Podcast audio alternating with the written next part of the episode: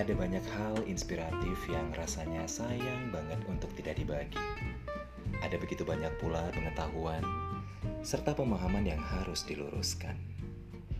Dan karena perjalanan tidak selalu datar, sering kali kita memerlukan motivasi dari mereka yang sudah berhasil melewati fase terberat dalam hidup.